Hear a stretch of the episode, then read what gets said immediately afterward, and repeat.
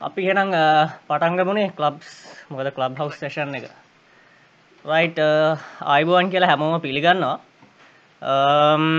අද අපි කතා කරන්න බලාපොරොත්තු වෙන්නේ වර්ක් ෆ්‍රම් හෝම් කල්ශික ගැන සහ මේ විශේෂයෙන්ම අපේ එක්ස්පීරියන්සස් කොහොමද මේක ගැන අපිට ෆේස් කරන්න තියෙන චැලෙන්ජස් මොනවගේද අපිට ඒකට කොහොමද දැන්තියෙන අභියෝග අවම කරගෙන අපි වැඩ කරන්න කොමද අපි කොන්සන් කොන්සන්ට්‍රේට් කරන්න ෆෝකස් කරන්න පුළුවන් දේවල් මොනවද? මොන ටිප්ස් වගේ දේවල් ගැන ෂයා කරන්න සහ අපි හැමෝගෙම එක්ස්පිරියන්සස් ෂයා කරන්න තමයි මේ අද සෙෂන් එක කරන්න හිතුවේ. මේ මේක ඕපන් සෙෂන් එකක් ඉතිං ඔයාලා ඕන කෙනෙක්ට මේක පුළුවන් සම්බන්ධ වෙලා කතා කරන්න. මේ ප්‍රශ්නහන්න පුළුවන් ඔයාලගේ එක්ස්පිරියන්ස් ෂයා කරන්න පුළුවන් ඒක නිසා ආරාධනා කරන හැමෝටම ඉතිං මේ මුලින්ම සංජය මාත්ම මොකද කියන්නේ? පටන්ගම වෙන හඳයි. පටන්ග පටන්ගම් දැන් මේ මේ මේක ඇත්තරම මගේ ෆස් ලබ් හවස් සේෂන් එක මේ විදිහට එක හවස් කෙනෙක් විදිහට කරන. ඉතින් මට ඇත්තට මේක try out කරන්න බලාපොරොත්තුවක් තිබුණා කාලෙක ඉඳන් මේක ශවීනුයි තව මගේ යාළුවෙක් මේක එකම කරාට පස්සේ. මූලික වශයෙන් මම දකින හොඳක් තමයි අපිට මේක හරහා ලොකු ප්‍රෙපරේෂන් එකක් නැතුව නිකන් වොයිස් විතරනේ ඉන්න වීඩියෝ එකක් අවශ්‍ය නැහැ. හොඳට ඇඳ බැලඳගෙන ඉන්න ඕනේ නැහැ වගේ තත්ත්වයක් උඩ ඉන්න තැනක ඉඳන් ටග් ගාලා මොන හරි අයිඩියා එකක් ෂෙයා කරගන්න වගේ හොඳ ප්ලැට්ෆෝම් එකක්. ඉතින් ඒකම තමයි work from home වලදීත් ඇත්තටම බලපාන්නේ. මොකද අවුරුදු එකමාරකට විතර කලින් අපිට සිද්ධ වුණා work from home යන්න. ඉතින් එතෙන්දී මම නම් ඉන්නේ e-learning ශාස්ත්‍රයේ. ඒකට e-learning ශාස්ත්‍රය කෝවිඩ් නිසා ඉදිරියට ආපු ශේෂ්ත්‍රයක් කියලා හඳුන්වන්න පුළුවන්. අනිත් ඔක්කොම ශේෂ්ත්‍ර කඩා වැටෙද්දි ගොඩක් ශේෂ්ත්‍ර කඩා වැටෙද්දි. ඉතින් අපේ ශේෂ්ත්‍රය ඉස්සරහට ආවට අපිටත් work from home යන්න උන නිසා අනිත් අයට පොදුවේ බලපාන ගැටලු ගොඩක් ඒත් එක්කම ආවා. ඒකේ වාසිත් තියෙනවා අවාසිත් තියෙනවා. ඒ ඕනෙම දෙයක හොඳ පැත්ත නරක පැත්ත තියෙනවා. ඉතින් මම මූලිකව කියන්නම් පොඩ්ඩක් මගේ එක්ස්පීරියන්ස් එක මොන වගේද කියලා මේ work from home එක සම්බන්ධයෙන්. ඉතින් ඔන්න ගිය අවුරුද්දේ අප්‍රේල් මාසේ වගේනේ අපිට මාර්තු මාසේ වගේනේ අපිට work from home යන්න ඕනේ. ඉතින් ඒ වෙලාවේ අපි ඒකට රෙඩි වෙලා හිටියේ නෑ විශේෂයෙන්ම මගේ පෞද්ගලික ප්‍රශ්න කීපයකුත් තිබුණා මොකද මම නිවසක් හදන්න පටන් අරන් తాවකාලික වෙන තැනක තමයි හිටියේ. ඉතින් මට අර මගේ ඔෆිස් ස්පේස් හෝම් ඔෆිස් කියලා එකක් තිබ්බේ නැහැ. ඉතින් මට ඒක මේක් ෂිෆ්ට් ඔෆිස් එකක් විදිහට ඊටාම ශබ්දයේ සහිත වාතාවරණයක සාලි මැද්දේ කියන්නේ මම తాවකාලිකව හිටපු තැන සාලි මැද්දේ මේසේ උඩ තමයි කම්පියුටර්ස් ටික තියාගන්න උනේ. ඉතින් එතෙන්දී ආපු ප්‍රශ්න තමයි ගොඩක් වෙලාවට දැන් මට ළමයි දෙන්නෙක් ඉන්නවා. ඉතින් ඒගොල්ලෝ ඇවිල්ලා හු තිනවා කෑ ගහනවා. ඉතින් හදිස්සියකට මීටින් එකක් ගන්න බෑ. ඊට පස්සේ බෑග්ග්‍රවුන්ඩ් එක කොහොමත් අවුල්. ඒ කියන්නේ කැමරා එක ඔන් කරලා පස්සේ පිටිපස්සෙන් Wi-Fi ලා බ්‍රිජ් එක අරිනවා. ඊට පස්සේ වගේ ප්‍රශ්න ඉතින් ඒවට ඒවට පුත් කියන්න බෑනේ. මොකද ඒක ඒ අවස්ථාවේ හැටි ගෙදර පරිසරය. ඉතින් කොච්චර වුණත් අර ප්‍රොෆෙෂනල් මීටින් එකක් ගන්නකොට තියෙන අර අපි කියන ඔෆිෂියල් ගතිය work from home එකකින් මගේ තියෙන setup එකේදී මට ගන්න බැරි වුණා. ඉතින් එතෙන්දී යම්කිසි ගැටලුවකට මුහුණ පෑවත් අනෙක් අතට තව දෙයක් සිද්ධ වුණා. ඒ කියන්නේ ඒක මගේ මම හිතපු ඊළඟ ශේෂ්ත්‍රයත් එක්ක ආපු දෙයක්. ඒක තමයි අපිට ලිතා විශාල ඉල්ලුමක්. මොකද ටියුෂන් පන්ති වල ඉඳලා ඉන්ස්ටිටියුට්ස් ඉඳලා ස්කූල්ස් ඔක්කොම එකපාරට ඔන්ලයින් අධ්‍යාපනය ගැන අවධානය යොමු කරන්න ගත්තා. අපි මේ ශේෂ්ත්‍රයට ඇවිල්ලා අවුරුදු දෙකක් වගේ වුණත් ඒ වෙද්දී එච්චර ඉල්ලුමක් කොහොමද ඒක එකපාරට ආපු නිසා රෑ දවල් නොතකා වැඩ කරන්න සිද්ධ වුණා. ඉතින් මම මට මතකයි මම ඒ දවස්වල පැය 18 20 වැඩ කරපු දවස් තිබ්බා එක දිගට. උදේ වඩුනාම රෑ ඊළඟ දවසේ නැගිට කියන්නේ උදේ 8ට විතර වඩුනාම රෑ 1 2 වෙනකන් එක දිගට. කන්නේත් එහෙම එතනමයි. ඒ වගේ අර තාම අවිවේකී සමයක් ගත කරන්න සිද්ධ වුණා. මට විතරක් නෙමෙයි අපේ ආයතනයේ වැඩ කරන හැමෝටම. ඉතින් ඒගොල්ලොත් ගෙවල් වල ඉඳන් ඒ සපෝට් එක දුන්නා. ඉතින් එතෙන්දී බලන්න ඕනේ දෙයක් තමයි අපිට කාලය පිළිබඳ දැනීම වෙනස් ආකාරයකට තමයි work from home සංකල්පයේදී අපිට දැනෙන්නේ. කියන්නේ සමහර වෙලාවට අපිට කාලය කියන්නේ අපි වෙනදට නම් අපිට කාලේ සෙග්මන්ටේෂන් දවසේ සෙග්මන්ට්ස් ගැන පොඩි හැඟීමක් තියෙනවා. ඒක එතෙන්දි වෙන්නේ දැන් අපි උදේ නැගිටිනවා, ඊපස්සේ ඔෆිස් යන්න ලෑස්ති වෙනවා, හොඳට ඇඳුමක් අඳ ගන්නවා, ඩ්‍රයිව් කරනවා නම් එහෙමයි. ඊපස්සේ ඔෆිස් එකට යනවා, එතන වැඩ කරනවා. හවස් වෙද්දී වෙලාව තියෙන වැඩ ටික ඉවර කරලා අපහු එනවා ආයි ඩ්‍රයිව් කරනවා. ආයි ගෙදර ළඟ හොදනවා. එහෙම තියෙන පොඩි රුටීන් එක මේ රුටීන් එක ඩිස්ටර්බ් වෙනවා. ඒතකොට රුටීන් එක ඩිස්ටර්බ් වුණාම ගොඩක් වෙලාවට වෙන්නේ අර ඕගොල්ලන්ගේ කන්සන්ට්‍රේෂන් එක all over the place යනවා. ඒ කියන්නේ ඒක කොච්චර දුරකට එක එක පොයින්ට් එක වැලිඩ් පොයින්ට් එකකට ඔයගලන්ට ફોකස් කරන්න පුළුවන්ද කියන එක ගැන විවිධ ගැටලු මතුවෙනවා. ඉතින් ඔතෙන්දී දේවල් දෙකක් කරන එකක් කන්න බොන්න වෙලාවල් අමතක වෙනවා. ඊට පස්සේ එක දිගට වැඩ කරනවා ඊට පස්සේ මහන්සි ඊට පස්සේ නිදාගන්නේ කොයි වෙලාවටද ඊට පස්සේ නිදාගෙන හැරුණාට පස්සේ ආයි වැඩ කරපු නවත්තපු තැනින් ආපහු එක පටන් ගන්නකොට අර කනෙක්ටි කන්ටිනියස් අර මේ මේ ඒ කියන්නේ දැන් අද රෑ මම ලොකු මොකක් හරි ලොකු වැඩක් ඉවර කළා ඊළඟ දවසේ උදේ පටන් ගන්නකොට හරියටම අරක තාමත් අර ඇඟේ ඇතුලේ වැඩ කරනවා. ඒ කියන්නේ මට ෆ්‍රෙෂ් ස්ටාර්ට් එකක් ගන්න අමාරුයි. ඒතර සාමාන්‍යයෙන් නෝමල් වර්ක් පරිසරයක තියෙන දේ තමයි ෆ්‍රෙෂ් ස්ටාර්ට් එක කියන එක. ඒ ෆ්‍රෙෂ් ස්ටාර්ට් එකෙන් අපිට පුළුවන් නිර්වුල්ව දෙයක් දකින්න. ඒ කියන්නේ ඊයේ දවසේ මොකක් හරි මම ප්‍රොබ්ලම් එකක නම් හිටියේ. ඒක මම ප්‍රොබ්ලම් එක සෝල්ව් කරන්න try කරනවා try කරනවා හරියන්නේ නැහැ. ඉතින් මට ඒක අතල්ලා දාන්න. ඊට පස්සේ මම හොඳට නිදාගෙන අර අර මම කිව්ව සෙග්මන්ටේෂන් එකෙන් පස්සේ ඊළඟ දවසේ ෆ්‍රෙෂ් ආවම මට එකපාරට ඒකට විසඳුමක් පේන්න ගන්න පුළුවන්. හරි? ඒ ඒ ඒ අන්න ඒ ගතිය ගොඩක් දුරට අඩු වෙනවා work from home වලදී. හැබැයි එතකොට ඒක ඒක තව ටික ප්‍රොඩක්ටිවිටි වලටත් බලපානවා. හැබැයි තව දෙයක් වෙනවා. ඉතින් අර කාලේ අර මම මේ කියන්නේ මම අපි ට්‍රැවල් කරන යන කාලේ ඉතුරු වෙනවා. ඒ වගේ අර කාලේ ඉතුරු වෙන තැනුත් තියෙනවා. ඒ ඔස්සේ අවසානයේ බැලුවම අපි පැය 10ක් 8ක් 10ක් නෙමෙයි පැය 15ක් 20ක් විතර අන්තිමට වැඩ කරලා. ඉතින් ඒක අපේ මටත් අදාළයි මගේ ආයතන ඉන්න සේවකයන්ටත් අදාළයි හැමෝටම අදාළයි. ඉතින් ආයෙත් තමයි ගොඩක් පස්සේ ආවේ මේ work from home කියන එක ඇත්තටම වායතන වලට වාසිදායකයි කියන සංකල්පය. ඉතින් ඒක ඒක එක්තරා විදිහකට ඔව්.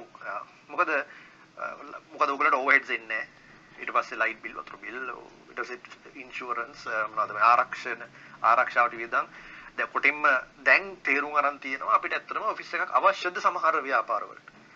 හරි ඒක අවශ්‍ය අවශ්‍යතාවයක් ඇත්තටම තියෙනවද කියන එක. ඒක දැන් අපිට රිමෝට් වර්ක් දැන් ඒක අපිට කල්චර් එකේ කොටසක් වෙලා නිසා. ඉතින් මම ආයතන ප්‍රධානියෙක් විදිහට ඔකේ දෙපැත්තක් දකිනවා. අපි මොකද අපේ අපේ ඉන්න ටීම් මෙම්බර්ස්ලට උනත් මේක කියන්නේ එක දිගට වැඩ කරලා කරලා කරලා ඒගොල්ලන්ට ගෙවල් වලින් ප්‍රෙෂර් ගෙනවා පටන් ගත්තලා ඉඳන් කම්පියුටර් ඉස්සරහා මෙන්න මේ ඔයගොල්ලන්ට ජීවිතයක් නැද්ද? මොකද්ද ඒ කරන්නේ? නමුත් අර තමන්ගේ වර්ක් එක පැෂන් එක වෙච්ච මිනිස්සුන්ට ඒක දැනෙන්නේ නැහැ අතට ඒක දිගටම එක දිගට කරන්න පුළුවන්. ඒක මට තිබ්බා. ඒ කියන්නේ ඒ කාලේ ඒක තිබ්බ නිසා අපි සෑහෙන දෙයක් කරගත්තා. අදටත් ඒක අපි වෙන විදිහකට අපි ඒක දැන් මැනේජ් කරනවා. මොකද ඒ කාලේ ඒක අපිට එක දිගට කරගෙන ගියාට අපි දන්න එක ගොඩක් කල් සස්ටේන් කරන්න බෑ. ඒක ෆ්‍රස්ට්‍රේෂන් ඒ කියන්නේ එම්ප්ලොයිස්ලට ප්‍රශ්න ගෙවල් වල ප්‍රශ්න ඒගොල්ලන්ගේ පවුල් කසාද මැදලා නම් ඒගොල්ලන්ගේ පවුල් වලින් ප්‍රශ්න එක දිගට මේක එල්ලිලා ඉන්න එකේ. ඉතින් ඒව අවුරුද්දක් ගියතන අපි ස්ට්‍රීම්ලයින් කරගන්න පුළුවන් වුණා. ඒක පුළුවන් වුණේ අපි විවිධ ටූල්ස් පාවිච්චි කරන්න ගත්තා. කියන්නේ සොෆ්ට්වෙයාර් ටූල්ස් කොලැබොරේෂන් ටූල්ස් ඊට පස්සේ අපි වර්ක් එතික්ස් හදාගත්තා. අලුතෙන් ප්‍රොසෙසර්ස් හදාගත්තා. කොහොමද මේ වර්ක් ෆ්‍රොම් හෝම් එකත් එක්ක වැඩ කරන්නේ කියලා කමියුනිකේෂන්ස් වලින් සෑහෙන දේවල් කරගත්තා. පස්සේ අනිත් එක මේ එම්පවර් එම්පවර් කරන්න ඕනේ කියන්නේ. ඒගොල්ලන්ට සර්ටන් ඩිසිෂන්ස් දැන් අපි ඔෆිස් එකක නම් ඉන්නේ අපිට පුළුවන් කතා බහ කරලා ඩිසිෂන් එකක් ගන්න. අනිත් අයත් එක්ක තමන්ගේ වටට ඉන්න අයත් එක්ක සුපීරියර් කට්ටියද කියන්නේ උඩින් ඉන්න මැනේජ්මන්ට් එකත් එක්ක කතා කරලා අපිට ගන්න පුළුවන් මේ ඩිසිෂන්ස් නමුත් වර්ක් ෆ්‍රොම් හෝම් එකේදී ගොඩක් වෙලාවට කෝල් එකක් ගත්තාම සමහර වෙලාවට ඒක ආන්සර් වෙන්න තියෙන්න පුළුවන්, ගෙදර වැඩක් කරා වෙන්න පුළුවන්, කඩේට ගියා වෙන්න පුළුවන්, බාත්රූම් වගේ ප්‍රශ්න ගොඩක්. ඉතින් අන්න ඒ වගේ අවස්ථාවලදී සමහර දේවල් ගැන සමහර processes අපි එක්ක automate කරන්න ඕනේ. එහෙම නැත්නම් authority දෙන්න ඕනේ Taman ඒ employee-ලට අදාළ ඒ decisions ගන්න ඒගොල්ලන්ටම. ඉතින් ඔය වගේ දේවල් කරන්න ඕන. ඊට පස්සේ reporting ඒ කියන්නේ දැන් customer කෙනෙක් call කරාම දැන් office එකේ නම් අපිට track වෙනවා වැඩි. නමුත් office එකෙන් එළියට ගියාට පස්සේ අපිට ඔක track වෙන්නේ නැහැ නේ. එතකොට අපි hotline setup කරලා ඒවට එන call alerts හදලා ඒ වගේ ලොකු processes ගොඩක් දාන්න උනා. දැන් ඒකේ තියෙන වාසියක් තමයි ඇත්තටම අපේ ඔෆිස් එකක් අවශ්‍ය නැති තැනට අපි වැඩේ ගෙනහල්ලා තියෙන්නේ. ඔෆිස් එකක් අවශ්‍ය වෙන්නේ අර ඊටාම ශබ්ද අඩු පරිසරයක දැන් මගේ ක්ෂේත්‍රය අනුව නම් ස්ටුඩියෝ එකක් මට අවශ්‍යයි. ඒක මට ගෙදර තියන්න අමාරුයි. ඒකට වෙනම ස්ටුඩියෝ එකක් මට තියෙනවා. නමුත් ඒ ස්ටුඩියෝ යන්න බැරි තත්ත්වයන් දැන් මේ සංචරණ සීමා එක්ක. අන්න ඒ වගේ ස්පෙෂල් කේස් එකක් ඇරුණාම අනිත් දේවල් වල වැඩ කිරීමේ හැකියාව තියෙනවා. හැබැයි අර මම කියපු ෆ්‍රෙෂ් ස්ටාර්ට් එක නැති එක ගෙදරින් ඇතුළට එහෙම හිටලා දෙදින මානසික ආතතිය නිදහ මනසේ නිදහස්භාවය නිදහස්භාවය වැඩ කර ක්‍රියේටිව් වැඩවලට ඒවා නැතිවීම work from home වල දරුණු අඩුපාඩු විදිහට සහ ඒ පරිසරයත් එක්ක ඇති වෙන ප්‍රශ්න විදිහට මම දකිනවා. ඉතින් ඒව ගැන නිරූල් කරන ගැනත් මම හිතන්නේ ශ්‍රවින්ට අදහස් ඇති කොහොමද මේ ඒ හිතින් ඇතිවන ඒ තනිකම ඒ කාන්සියම නැත්තම් අර එකම කට්ටියත් එක්ක හිර වෙලා ඉන්න එක දැන් ඕක ගැන මම ඒ කාලේ කතා කරාම කට්ටිය කිව්වා ගෙදර මිනිස්සුත් එක්ක ඉන්න එක සමහර කට්ටිය. ගෙදර මිනිස්සුත් එක්ක ඉන්නේ කොච්චර හොඳද මෙච්චර කාලේ හිටියේ නෑ දැන් ඒක ඉන්න chance එකක් හම්බෙලා තියෙනවා. නමුත් ඒක මේ සතුට වැඩි කරලා තියෙන්නේ නෑනේ අපිට විවිධත්වය අවශ්‍යයි. ඉතින් මේ විවිධත්වය කොහොමද මේ වගේ පරිසරයකදී ලබා ගන්න කියන එකට දැන් දැන් මිනිස්සු පරීක්ෂණ කරලා මේ අවුරුදු එකමාරක් ඔය කාලය ඇතුළත අලුතෙන් ගොඩාක් දේවල් ලෝකෙට ඉදිරිපත් වෙලා තියෙනවා. ඉතින් ඕක තමයි මම ගන්න ආරම්භය ශවින්. අපි එතනින් එහාට පොඩ්ඩක් කතා වරන් යමු එහෙනම්. ඔව් ඒ අතර අයි මතක් කරනවා මේ ප්‍රශ්න තියෙනවා නම් මැදින් අහන්න කිසි ප්‍රශ්න නැහැ. ඔයාලා හිතන්න මේ දැන් ඕගොල්ල වැඩ කරදදි ඒ ජොබ් එක වෙන්න පුළුවන් දැ සමහරු ජොබ්න කර ගෙදරිදම් ෆුල් ටයිම් ්‍රීලාන්සිං කරනවා එතකොට මේක ඒවගේ කෙනෙට නම් මේක පාර වෙන ට්‍රන්සිෂන් එකක් නෙමේ නමුත් ඒ වුණත් ගෙදරින්දං වැඩ කරද්දී ඒක ඩිෆිකල්ටිස් තියෙනවා. සෑහන ප්‍රශ්නවලට මුණ දෙන සිද්ධනවානේ ඉතිං ඔයාලට ඒවගේ සිද්ධ වෙච්ච දේවල් මොනවද කියල පොඩ්ඩක් කියන්න බලන්න. එතකොට අපි බලමු ඒවට කතා අපිට කරන්න පුළුවන් සොලියෂන්ස් ගැන ඒ චලෙන්ජස් මග හැරවගෙන අපිට කරන්න පුළුවන් මොනවද කියලා අපි මේ ඩිස්කශන්න අතර තුරේද කතා කරමු. එහෙම කෙනෙක් ඉදිරිපත් වෙන කල් මං පොඩ්ඩක් තව විස්සර ටිකක් කියන්නම්. ඔයාලා කිසි ප්‍රශ්නයන්න මැදින් පැනල. ඒක මේ ඕ මොකද මේ මේක මේනර් ප්‍රොෆෙෂනල් ටයිප් එකට කියලා හිතන්න එපා. මේ කැශුවල් විදිහ කරගෙන කිසි අහන්න පුළුවන් මටත් මේ නිදහසක් ඒ කියන්නේ මමත් ගොඩක් ඔය වැඩසටහන සහභාගී වෙන වැඩසටහන ඔක්කොම නිකන් හින ප්‍රොෆෙෂනල් ඉතින් ඉතින් හැමදේම හැමදාම වචන මින් කර කර තමයි කතා කරන්නේ. දැන් මට එහෙම කතා කරලා ඇති වෙලා තියෙන්නේ. මට එන ෆ්‍රී එකේ කතා කරන්න තනක් ඕනේ. ඉතින් මේක හොඳයි කියලා ඕ මේ කතා මේ සේෂන් එකට කලින් මගෙනුත් ඇහුව මේ කුණුවරපයක් කියම කියලා ගමු කියලා. තාම ආවෙන අවස්ථාව තාම තාම කික්ක කාවෙන මේ කොහමර දැඟ මට තිබ්බේ නැති යුනික් ප්‍රශ්නය ම තන සංශයට තියෙනවා. මොකද මේ බබාල එහෙම ඉන්න නිසා. අපේ ගෙතරන මම තමයින ලොකුම බබායක නිසා. මට ඉශුව එක නැහැ. මේ ඒ ඒ ප්‍රශ්නට කොහොමද මේ ඒ සිටුවේෂන එක හදා ගත්තේ සිටුවේෂන හදාගත්ත ති කසාද බැදමු නිසා ඉට පස්සේ ඒ අදාල දෙවල් එක සිටුවේෂන හැද බලම් සිටුවේෂන ඇදන ඒකට මෝන සුන්ට කොමද කියලා ඒක මේමයි ජෙනරලි දැන් අපිට දැන් මෙම ඒ ඒ එකත් එකත් සමහරලාට මෙහම දෙයක් දැම එක බබෙක් එකන එක ලොකු පුතාට අවුරුදු අට යට තේරනවා වැඩි. අනිත් එක්කනට තේරෙන්නේ අට අවුරුදු තුනක් හතරක් වගේ. තොට එයා හැමතිස්සම ගෝෂාකාරී ඌතිනවා කෑගහනවා බඩු පොලේ හනවා වගේ. ඊට පස්සේ යාට සැර දැම්මහම එයා එනවා පහු කියන්නේ ඒක සෙල්ලමට අරගෙන ආයෙනවා ඉතින් එතකොට ඒ වගේ තත්ත්වයක් උඩදී ගොඩක් වෙලාට කාමරේ දොර වහලා ඒගොල්ලෝ එලිට දාන්න ඕනේ හැබැයි එතකොට ඉතින් එකම දේ මට කවදාවත් මම කැමරාවක් ඔන් කරලා නැහැ ෆෝක් රූම් හෝම් කරපු පරිසරයේදී ඉතින් මොකද මේ පොඩි තියෙන ඉඩ ප්‍රමාණයේ මොකද මේ මේ අතර මම ඉන්නේ වයිෆ්ලා ගෙදර. ඉතින් වයිෆ්ලා ගෙදර වයිෆ්ගේ අම්මා තාත්තා ඉන්නවා. ඒ වයිෆ්ගේ නංගි ෆැමිලි එක ඉන්නවා. අපි ඉන්නවා. ඉතින් මේ ඔක්කොම කොටු වෙලා ඉන්නේ දැන්. ඉතින් අපේ බඩු ඔක්කොම තියෙන එක කාමරේ. ඕක කැමරා ඔන් කරොත් එහෙම මට හම්බෙන්න තියෙන මුකුත් හම්බෙන්නේ නැහැ මේ බිස්නස් එකකින්ද මම කැමරා ඔන් කරන්නේ නැහැ. මොකක් හරි ස්කිල්ස් එකක් දාලා ඉන්නවා. ඒක බලපාන ඇත්තටම. ඒක ඒක කවුරුත් නැහැ කියන්න බෑ. ඒ කියන්නේ ඒක ප්‍රොෆෙෂනල් සෙටින් එකකට ඒක හරියන්නේ නැහැ. තමන් තව එකක් එකක් කියන්නේ. ඒ වගේ තත්ත්වයක් උඩදී ගොඩක් වෙලාවට අර ඒගොල්ලන් ඒගොල්ලන් ඉස්කෝලේ තියෙනකොට ඒගොල්ලන්ට වෙනම සාලේට ඒගොල්ලන්ගේ ලර්නින් මේ ඔන්ලයින් ලර්නින් ටික දාලා ඒගොල්ලන් ඉස්කෝලේ වෙලාවෙ ඒගොල්ලෝ ඉන්නවා එතන. පොඩි කෑන මොන්ටිසෝරි ඔන්ලයින් කරනවා. ඒතර මට ඒ පොඩි වෙලාවක් හම්බ වෙනවා නිවි හැනිල්ල කරගන්න. අනික් වෙලාවට ගොඩක්ම අවධානය දෙන්න ඕන වැඩක් නම් ඇත්තටම කරන්න වෙන්නේ නැහැ. එහෙම අවස්ථාවකදී එක්ක ඒගොල්ලෝ නින්දර යනකම් ඉන්න ඕනේ. එහෙම නැත්නම් මම කාර් එකට එන්න ඕනේ. දැන් මම මේක කරන්නේ කාර් එකේ. කාරින දොරව ගත්තාම එළිය සද්ද මුකුත් ඇහෙන්නේ නැහැ. ඉතින් ඒ වගේ දෙයක් ඔන්න වොයිස් රෙකෝඩින් එකක් ඒ වගේ දෙයක් කරගන්න පුළුවන්. දැන් මම පොඩ්ඩක් සලකලා බැලුවා මේ මගේ අර මොකක් හරි පොඩ් මේ වීලොග් එකක් කරනවා නම් ඒකත් කායක ඇතුළේ ඉඳන් කරන එක ඕකේද වගේ එකක්. ඉතින් ඒතරත් ප්‍රශ්නයක් තියෙනවා මේ මොකද දැන් රැවුල් සෑහෙන වෙවිලා. ඉතින් මේ සාමාන්‍ය මගේ රුටීන් එකක් තියෙනවා. ඒ කියන්නේ මම පුරුදු පරිසරයක තමයි ඒවා කරන්නේ. මම අර නොපුරුදු පරිසරයක රැවුල් කපන්නේ වුණාත් මට එන ස්ට්‍රෙස් එකක්. ඉතින් ඒ ඒ වගේ තත්ත්වයක් උඩ රැවුල් වෙලා නිසා වීලොග් එකක් කරගන්න තමාරු තත්ත්වයක් තියෙන්නේ. කොහමද 21 මම හිතන්නේ 14 යම් කිසි සහනයක් දෙනවා කියන නෝ 21 දක්වා යනවා වුණාට මට ලියුමකින් යන්න පුළුවන්. ඉතින් එහෙමවත් ගිහලා මොනවා හරි කරන්න තමයි හිතන්නේ. ළමයි එක්ක ප්‍රශ්නේ අනිවාර්යෙන් එනවා. ඉතින් ඒක ඒක නවත්තන්න බෑ. ඒක සාමාන්‍යයෙන් දැන් ඉන්ටර්නල් ඔෆිස් මීටින් නම් ප්‍රශ්නයක් නෑ. අපි අපි කට්ටියම ඉන්නේ. ක්ලයන්ට්ස්ලත් එක කරද්දි ලොකු ඉෂුව එකක් තියෙනවා. ඉතින් ඒක හින්දා මේ ගොඩක්ම වෙලාවට මේ මම මේ මීටින්ග්ස් දාගන්නෙත් ඒගොල්ලෝ එක්ක ඉස්කෝලේ යන වෙලාවට. එහෙම නැත්නම් ඉස්කෝලේ කියන ඔන්ලයින් ඉස්කෝලේ යන වෙලාවට. එහෙම නැත්නම් නිදි වෙලාවකට වගේ ටාගට් කරලා දාන්නේ. නැත්නම් ඉතින් වයිෆ්ට කියනවා ගන්න කියලා. ඉතින් පස්සේ දින වයිෆ් උත් work from home. එයාටත් එයත් මේ අවුට්සෝර්සින් කියන්නේ ඕස්ට්‍රේලියානු ෆර්ම් එකක වැඩ කරන්නේ. ඉතින් එයාට එයාටත් ඒ වැඩ තියෙනවා ඉතින් ඒ අතර අර දෙන්න රණ්ඩු වෙනවා. ඉතින් it's a mess. it's a mess. ඉතින් ඒක කොහොම හරි මුණ දෙන්න ඕනේ. ඉතින් අවුරුදු දෙකමාරක් මුණ දුන්නා. ඉතින් ඒවත් එක්ක ඊට පස්සේ ගෙදරට තියෙන normal ප්‍රශ්න ටිකක් ආවම සෑහෙන ස්ට්‍රෙස් ඉතින් ওই ස්ට්‍රෙස් එක මැනේජ් කරගන්න ඕනේ. ඉතින් පෞල් ප්‍රශ්න ඇති වෙන එකත් සාමාන්‍යයෙන් ලංකාව ඕන තරම් වෙලා ඇති ওই සිටුේෂන් එක නිසා පෞල් ප්‍රශ්න වැඩි වෙන දේවලුත් වෙලා ඇති ඒ කියන්නේ සාමාන්‍ය අපි දැකලා තියෙනවා මේ වාර්තා වුණා වෛද්‍යවරු කියනවා මේ ලොක්ඩවුන් කාලේ පිළිසිඳ ගැනීම සෑහෙන වැඩි වෙලා තියෙනවා ළමයි වැඩියෙන් හැදෙනවා ඒකත් පොඩ්ඩක් පාලනය කරගන්න කියලා ළඟදී ඒගොල්ලන් නිවේදනයකුත් නිකුත් කරන්න වුණා. ඉතින් මේ ඔක්කොම දේවල් එක්ක ආවම විශේෂයෙන්ම මේ කාලේ මේ ප්‍රෙග්නන්ට් වෙලා ඒ කටයුතු කරගන්න ස්පිරිතාලේ යනවා ඒව ලොකු රිස්ක් ඇත්තටම මම දකින විදිහට. ඉතින් අපිට ඒ හොඳ වෙලාවට ඒ කාලේ අපි පැන්නා. නමුත් අලුත් කපල්ස් ඒ මොන තරම් ඇති ඒ ප්‍රශ්න වලට මුහුණ දෙන්න. ඉතින් ඕක තමයි කතාව ඔය ටික මැනේජ් කරගන්න ඕනේ. ඉතින් හොඳ මානසික සමබරතාවයක් තියාගන්න ඕනේ. විවිධ ඇක්ටිවිටීස් වල නිරත වෙන්න ඕනේ. ගෙදරින් නම් පුළුවන් නම් ඕකේ තවත් බලපාන ඉතින් ෆ්ලැට්ස් වල ඉන්න මිනිස්සුන්ට ඒ කියන්නේ ඒගොල්ලන්ට ඒගොල්ලන්ට ඒක ලොකුම මානසික පීඩනයක්. ඒක මට හිතා ගන්න බෑ. මොකද මම ෆ්ලැට් එකේ නෙමෙයි ඉන්නේ. දැන් අපි දැක්කා අර කොළඹ පෙන්නවා ෆ්ලැට්ස් වල මිනිස්සු එළියට ඇවිල්ලා ඒගොල්ලන්ට වෙනම සංගීත සම්දර්ශනයක් තිබ්බා ඒ කාලේ. දැන් නම් ඒවත් නැහැ. දැන් දැන් ඒවත් නැහැ නේද? ඒ කාලේ ඒක හරි තිබ්බා.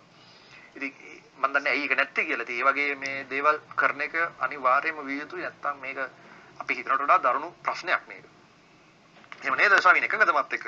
අනිවාර්යෙන් අනිවාර්යෙන් දැන් මගේ සිටුවේෂන් එක ගත්තොත් මේ මට ඇත්තරම වර්ක් ෆ්‍රොම් හෝම් සීන් එක අලුත් දෙයක් නෙමෙයි. මොකද හේතුව මේ කෝවිඩ් එන්න කලින් මම 2017 තමයි ජොබ් එකකට යන්න ගත්තේ. ඒ කාලේ තමයි වර්ක් ෆ්‍රොම් හෝම්. මේ ඇත්තනම් කවරුවරි මගෙන් ඔෆිස් එක වැඩ කරන එක ගැන හුවන් මට එක් ගැන කියන්න එක්ස්පිරියන්ස් නෑ නමුත් වර්ක් ෆ්‍රොම් හෝම් ගැන කියන්න ගොඩක් දේවල් තියෙනවා. මේ ඊට කලින් අපිට කොහොමද හොඳ ප්‍රොඩක්ටිව් දෙයක් ක්‍රියේටිව් දෙයක් කරන්න වර්ක් ෆ්‍රොම් හෝම් කියන එක යොදාගන්නේ කියලා. තියෙනවද? මේ මට ලැබිච්ච ලොකුම දේ තමයි ෆ්ලෙක්සිබිලිටි එක. දැන් මේකත් ඇත්තටම වැඩ කරන ආයතන අනුව ටිකක් වෙනස් වෙනවා. මොකද සමහර ආයතන මම දැන් මගේ යාළුවෝ එහෙමත් ඉන්න ආයතන තියෙනවා ඒගොල්ලෝ අර අටේ ඉඳන් පහ වෙනකම්ම තමයි කොහොමද ගෙදර ඉඳන් වැඩ කරත් අටේ ඉඳන් පහ වෙනකම්. නමුත් ඒ සීන් එක මට තිබ්බේ නැහැ. මොකද හේතුව මේ මට සෑහෙන ෆ්ලෙක්සිබල්. මම වැඩ කරන ස්ටාර්ට් එකේ බොස් ඒක කයා කරේ නැහැ. මම ඔන්ලයින් ඉන්න කියරද මම වැඩ කරන්න කියද කියලා. එයා මට දුන්නේ මේ ගෝල්ස් ටිකක් දුන්න යම්කිසි ටයිම් පිරිඩ්ඩක් ඇතුළත කරන්න කියලා. එතකට මට තියන්නේ ඩෙඩ්ලයින්න එකට කලින් අර පිරිඩ් ඇතුළේ දිලිව කරන්න. ඉතින් මම උදේද කරන්න දවල්ද කරන්න රෑද කරන්න මහ පාන්දරද කරන්න කියලා ඒ ඉශුව එක මට තිබෙන ඉතින් ඒ නිසා මට සෑහෙන්න මේ ෆලෙක්සිබිලිටි එකක් තිබ වැඩ කරන එක අතින් මංහිතන් ඒක මට තිබ්බ හොඳ වාසිය ඒත් තිබ්බ දේව ඉගෙන එහෙම කරලත් මටත් ඇතරම සෑහෙන චලෙන්ජස් ටිකක් තිබ්බ. එකක් තමයි මේ වැඩ කරන්න එකක් ෆෝකස් එක හදාගන්න මවරු අනිත්තක මොටිවේෂන් එක හදාගන්න මවරු මේ ඒ දැන් ක්ලසික එක්සම්පල් මට සිදුන දැන් වයි ෆෙල්ල කාරක දුරරිය පොඩි බාට එන්න ඕන. ඇතුළට දමාතය කාරකින්න දැන් මම දැන් යන්න කිව්වා දැන්. දැන් දැන්ලා අඬන්න වගේ ඉන්නවද එතකොට ඊට පස්සේ මටත් අවුල් ඊට පස්සේ. දැන් ෆෝකස් එක ගැන ඔයා පොඩ්ඩක් මම පොඩ්ඩක් බාධා කිරීමක් කරන්න. මේ ෆෝකස් එක ගැන කියන්න දැන් එතෙන්ද දැන් ඒක තමයි. දැන් කිසිම වෙලාවක මම රෙකමන්ඩ් කරන්නේ නැහැ වර්ක් ෆ්‍රොම් හෝම් යන කෙනෙක් යන්න මේ බෙඩ්රූම් එකේ තමන්ගේ වර්ක් ස්ටේෂන්ස් තියාගන්න කියලා. මොකද ඇඳ පේනවා කියන්නේ ලොකු ඉෂුව එකක්. එක්කෝ එක්කෝ ඇඳෙන් ට්‍රාන්සිෂන් එකක් ඕනේ සම්පූර්ණ වෙන තැනකට. නැත්තම් සම්පූර්ණයෙන්ම ඇඳ යූස් කරන්න ඕන. දෙක එකක් කරන්න ඕන මිඩල් ග්‍රවුන්ඩ් එකක් නැහැ කියන එක තමයි මගේ අත්දැකීම. දැන් ඒක කටි රසන් පුළුවන් මගේ අත්දැකීම මම මේ කියන්නේ. දැන් මම කම්පියුටර් එකේ වැඩ කරද්දී කාමරේ ඇඳ පේනවා. මම කම්පියුටර් එකේ වැඩ කරනවා. ඊට පස්සේ මට හැමතිස්සෙම අස් ඒ කියන්නේ පොඩි වැඩක් මම ඉවර කරාම මම හොයනවා පොඩි විවේකයක්. දැන් වෙනදාට නම් ඒක ගන්න විදිහක් නැහැ. එතකොට මම එක්ක ඔෆිස් එකේ වතුර ටිකක් බීලා ඉලා ආයි වාඩි වෙනවා. නමුත් ගෙදරදී එහෙම එකක් නැහැ. අර පොඩි විවේකයේ පොඩි වෙහසක් දෙරිච්ච ගමන් හැබැයි ඡද තියලා ටොක් ගාලා උකට වැටෙනවා. ඊට පස්සේ ආයි නැගිට ගන්න හම්බෙන්නේ. දැන් ওই ප්‍රශ්නෙට මම ලොකුවට මුණ දෙනවා. ඊට පස්සේ දැන් ඩිස්ට්‍රැක්ෂන්ස් ඒ කියන්නේ දැන් ඒ අතරේ දැන් ගෙදරන ඉන්නේ. එතකොට මම දන්නවා back of my mind අද දවසේ වැඩ ටික මම රෑ 7 8 9 වෙද්දි 7 8 වෙද්දිවත් ඉවර කරන්න ඕනේ නැහැ කියන එක. ඒ කියන්නේ මොකද මම ගෙදර ඉන්නේ මට 10 11 වෙනකන් ටයිම් තියෙනවා කියලා. ඊට පස්සේ මොකද? ඊට පස්සේ ෆිල්ම් එකක් බලනවා. මොකක් හරි එහෙම දෙයක් කරනවා. YouTube වීඩියෝ එකක් බලනවා. ඔය වගේ දේවල් ගෙදරටත් තියෙනවා. එතකොට අරක ටික ටික පස්සට යනවා. ඔන්න ඔය ඔන්න ඔය ප්‍රොක්‍රස්ටිනේෂන් වැඩි ටික ටික ක්‍රීපින් නොක වෙනවා. එතකොට එතකොට අර එක දිගට දවසේ වැඩ කරපු ඒ කියන්නේ එකිනෙකට වෙනස් වැඩ ගොඩක් තියෙනවා නම් අමාරුයි ඔක්කොම ටික කම්ප්ලීට් කරගන්න. මොකද අපේ අර කම්ෆර්ටබල් ෆීලිං එක නිසා. අපිට ඒකත් එහෙම හේකුත් මට තියෙනවා එතකොට මම ඒකත් එක්ක තමයි බැටල් කරන්නේ. ඒකද මම හඳුනාගත්ත විසඳුමක් තමයි. දැන් මට මේ ඉන්න තැන අනුව මට වෙනම ස්පේස් එකකට යන්න බෑ වර්ක් ස්ටේෂන් එකට. එහෙනම් මම විදිර කාමරේම තමයි විසඳුම හොයාගන්නවා. ඊට මම ගත්ත විසඳුමක් තමයි කොට ටිකක් පිටිපස්සට තියාගෙන ඇඳටම ගිහිල්ලා ඇඳේම වාඩි වෙනවා. වෙනම වර්ක් ස්ටේෂන් එකක් තියාගන්නේ නැහැ. ස්පෙෂල් අර ලී බංකුවක් තියෙනවා අපේ ගෙදර. ඒක ඒක ඒක මං තියාගන්න කකුල් දෙක කකුල් දෙක මැදි කකුල් දෙක මැදි කරලා ඒක උඩින් තියාගන්න. උඩින් දාලා ඒක උඩින් ලැප්ටොප් එක තියන්න. එතකොට මම අර ඇඳේම ඉඳන් ඇඳේම බ්‍රෙක්ෆාස්ට් එක ගන්න පොඩි අරේන්ජ්මන්ට් එකක් අන්න ඒ වගේ ඇඳේම ඉඳන් ඉන්නවා. අන්න එතකොට නම් පැය 3-4 එක දිගට ඒ වැඩේට ફોකස් කරලා වැඩේ ඉවර කරගන්න පුළුවන්. ඒක මගේ අත්දැකීමක්. ඉතින් ඔන්න ඔය ෆෝකසින් ප්‍රශ්නේ කියන්නේ අර ඇඳ දකින්නකොට එන නිකන් අර කම්මැලි ගතිය බලපෑමක් වෙනවා පැහැදිලිවම මේ තමන්ගේ එදිනදා ගෝල්ස් ටික එදිනදා ටාස්ක් ටික ඉවර කරගන්න ගියාම. ඒක තමයි මම මේ දවස්වල මුණ දෙන ප්‍රධාන ප්‍රශ්න වලින් එකක්. ඕ මම එතැන්ට දෙයක් එකතු කරන්නම් මේ මම මෑතක් දහ නවය හරි.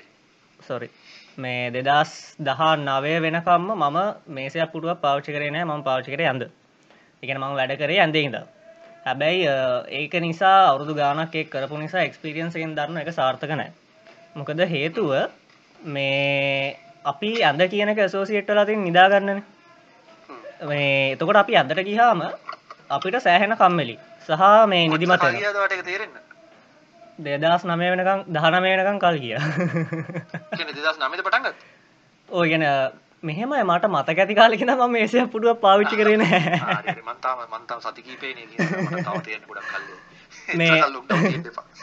මොකද මම වනත් ඇතරම ඉස්සර හිතාගෙන හිටියේ මේ දවක ම හෙන අතල්ලක කරපු වැඩක්. කියෙන මත් හිතාගනට යාම ඇදේදම් වැඩ කරන හෙන හොඳ සෝක් වැඩක් කියලා. නමුත් මේ ඒක එතන මොකද දැන් අපි අතපය දිගල්ලා එහෙන රිලැක්ස් එකගෙන වැඩ කරන්න. මේසක පුටුවක වගේ හිර වෙලා නෙමෙයිනේ මොකද මම කැමති නිදහසේ වැඩ කරන්න. ඉතින් ඒ නිසාම තමයි මම ඇත්තටම මේ ඉස්කෝලේ යන කාලේ ඉඳන්ම වැඩ කරේ ඇඳේ ඉඳගෙන. මේසයක් පුටුවක් පාවිච්චි කරේම නෑ. මොකද මම අර ඒක ෆ්‍රේම් වර්ක් එකකට හිර වෙන්න කැමති නැති නිසා. නමුත් වෙච්ච දේ තමයි සෑහෙන්න කම්මැලි වුණා. ඒ වගේම තව දෙයක් තියෙනවා. දැන් අපි හිතන්නකෝ උදේට නැගිටින එක. මේ උදේට එලාම් එක තියලා නැගිටිනවා. සමහර එහෙම නැත්නම් අම්මා නැගිටවනවා. ඇත්තටම එලාම් එකට මට හැරෙන්නේ අම්මා තමයි නැගිටවන්නේ. කරලා දැන් උදේ නැගිටලා මේ වොෂ් එකක් දාගෙන ඇවිල්ලා මට වැඩ කරන්න යන්න වෙන්නේ තාපහු ඇඳටමයි එතකොට අර නිදිමතයෙන් ඉන්නේ උදේට. මේ එහෙම ඉඳලා ඊට පස්සේ ආයි වැඩක් කරන්න පුළුවන්. එහෙම මානසිකත්වයක් නැහැ. ආපහු අර වොෂ් එකක් දාගෙන ගිහලා ආපහු ඇඳට ආවම ආපහු නිදිමත වෙනවා කම්මැලි වෙනවා ඉතින් මේ මට මුලදී ඕක හෙන ආතල් එකක් කියලා හිතුණාට ඔය මොකද විසඳුමක් අරන් තිබ්බ මම පොඩ්ඩක් අර මේ මේ ඒ කියන්නේ ඕක එක විදිහට අපිට යෝජනා කරන්න පුළුවන් ඔක try කරා මම. ඔව් ඒක ඒක වෙනවා. ඒ කියන්නේ එකම දේ ඒක මට කරගන්න බෑ මම ඉන්න තැනත් එක්ක. නමුත් මම දැක්කා ඒක සක්සස්ෆුලි පාවිච්චි කරන්න පුළුවන්. මොකද මම අපේ කට්ටියට ඒක කිව්වා. ඒ කියන්නේ ඕගොල්ලෝ ඔෆිස් යනවා වගේම අඳින්න. ඒ රුටීන් එක යන්න. ලිප්ස්ටික් ගාලා ඒක කර- මෙහෙම පොඩි මල්ලිලා ලංගිලා ඉන්නවා විහිළුවට ලක් කරනවා වැඩේ. නමුත් අර ඒ ඒ මෙන්ටැලිටි එකට එනවා එතකොට. ඒ අද අද හරි හරි විදිහට ඇඳුම මැදලා ඇඳලා බෙල්ට් එක දාලා යන්න ගිහිල්ලා වැඩ කරන්න සාලේ හරි මොකක් හරි තමන්ගේ ඔෆිස් ඔෆිස් ස්පේස් එකට සුදුසු තැනක ගෙදර. සද්ද බද්ද අඩු හොඳට ලයිටිං තියෙන සැප පහසුර වාඩිලා ඉන්න පුළුවන් ergonomic chair එකක් ඒ වගේ ඉතින් normal දේවල් මම අපි කියන්න ඕනේ. ඉතින් ඒවත් එක්ක අන්න ඒ වගේ තැනකට ඔෆිෂියල් මේ මේ work clothing එකෙන් යන්න. අන්න එතකොට ඕගොල්ලන්ට යම් කිසි formality ගතියක් එනවා කියන. හ්ම්. ඒක මම හිතනවා එකක වෙයි ඒකට. ඕ ඕ ඇත්තර මේ දර ඕක එක පාර හුරු වෙන කෙනෙක්ට ඒගේ දෙයක් ට්‍රයි කරන්න පුළුවන්. දැ මේ ඇවිල මේ එක පාරණය මේ කෝවිත් සිද්ධියත් එක්ක වුණේ මේ එතකොට අර එක රූටින් එකට පුරුදු වෙලා ඉඳලා ඕක සෑහෙන් අමාරු ගෙදරට පුරුදු වෙන. ඉතින් අර ඔයගේ දේවල් කරලා එකට හුරු වෙන්න පුළුවන්.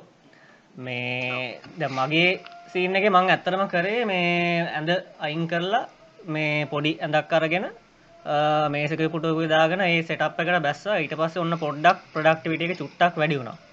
මේ ඔත්තනදී තාමම කරපු දෙයක් තමයි දැන් ඔය ගෙදර එන්වර්මන්ට් එක තියෙනවනේ. ඒකයි ඔෆිස් එකේ එන්වර්මන්ට් එකයි දෙකක්නේ. ඒ කියන්නේ ඔෆිස් එකක වැඩ කරද්දි ඒකේ තියෙන්නේ අපිට වැඩ කරන්නම තියෙන පරිසරය ඒ විදිහට හදලා තියෙනවා හැබැයි ගෙදර එහෙම නැහැ. ගෙදර සෑහෙන ඩිස්ට්‍රැක්ෂන්ස් තියෙනවා. මේ වටේ සද්දයි අල්ලපු ගෙදර පොඩි උන් කෑ ගන්න සද්දයි ලෝකනේ දේවල්. එතකොට මේ මම කරපු දේ තමයි අතර මම මගේ කාමරය ඇතුළේ නිකන් මේ හදාගත්ත අර zone එක. ඒ කියන්නේ මට හරියන සෝන ඒ ඒ සෝන් එකෙන් පිට වෙන දේවල් මම දන්න තත්තරාව මම මේ ෆෝකස් කරන්න කරපු දෙයක් මේක. මං ඔතනිනුත් අර පොඩි අවුල් ටිකක් තියෙන මං එතනට ඉස්සරහට එන්නම්. මේ නමුත් අර ෆෝකස් එක හදාගන්න ඕන නිසා මේ අතර අම්මත් මට නිතරම් බයිනවා මේ කාමරෙන් එළිය වෙන දේවල් දන්නේ කියලා. මේ මම ගොඩක් කරන්නේ හෙඩ්සෙට් එකක් ගහගන්නවා.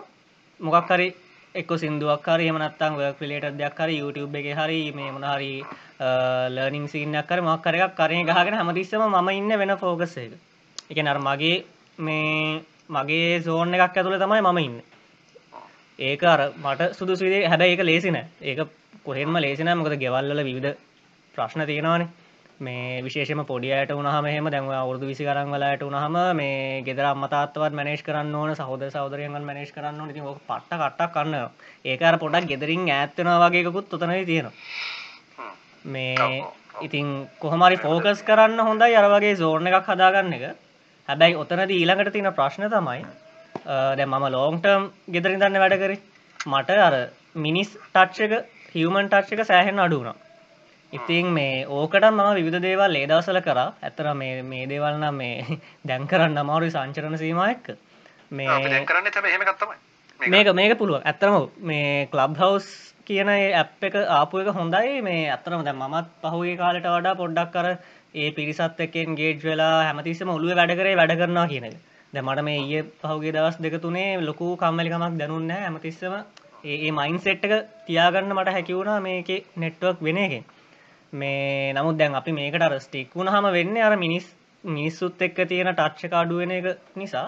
ඒකටත් විකල්ප හදාගන්න වෙනවා. ඉතින් මේ අපි කරපු දෙයක් තමයි යාළුවොත් එක්ක සමහරලාවට ඔන්ලයින් කෝල්ස් අරගෙන සෙට්ටනවා මේ ඒක මම ගේමින් වලට පොඩ්ඩක් බැස්ස විශේෂයෙන්ම මේ ඒක ඒක මේ කෝවිඩ් සමය මම පටන්ගත්ත දෙයක් ඊට කලින් මම ගේමින් එහෙම ලොකුවට හිටිය නැහැ මේ මොක දැන් අපි මාස ගනතිස ගෙදටම හිරවලන් දැන් ඒ දවස්වල්ලන් මම කරේ සතීර සැරයක් විතර පොඩ්ඩක් යනවා. සතීර සැරයක් හෝ දෙසරයක් ඇවිදලා හුලන් ටිකක් වැදලෙනවා. එතකොට මාසෙකට සැරයක් එක්ක ට්‍රිප් එකක් හරියන්න බලනවා. මේ ඔහොම try කරනවා. නමුත් දැන් මේක හිර වුණාට පස්සේ සෑහෙන ස්ට්‍රෙස් එකක්.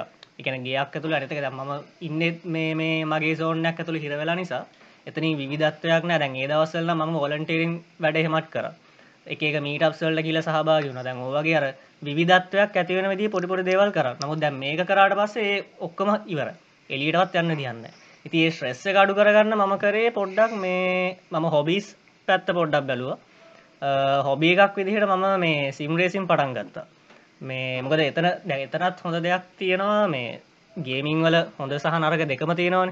හැබැයි අපි හොබි එකක් තෝරගන්නකොට මේ අපිට පුළුවන්නම් ගේමිං වලට ඇබැහි වුණොත් පොඩ්ඩක් කායි ෆෝගස්ස කැඩෙනවා.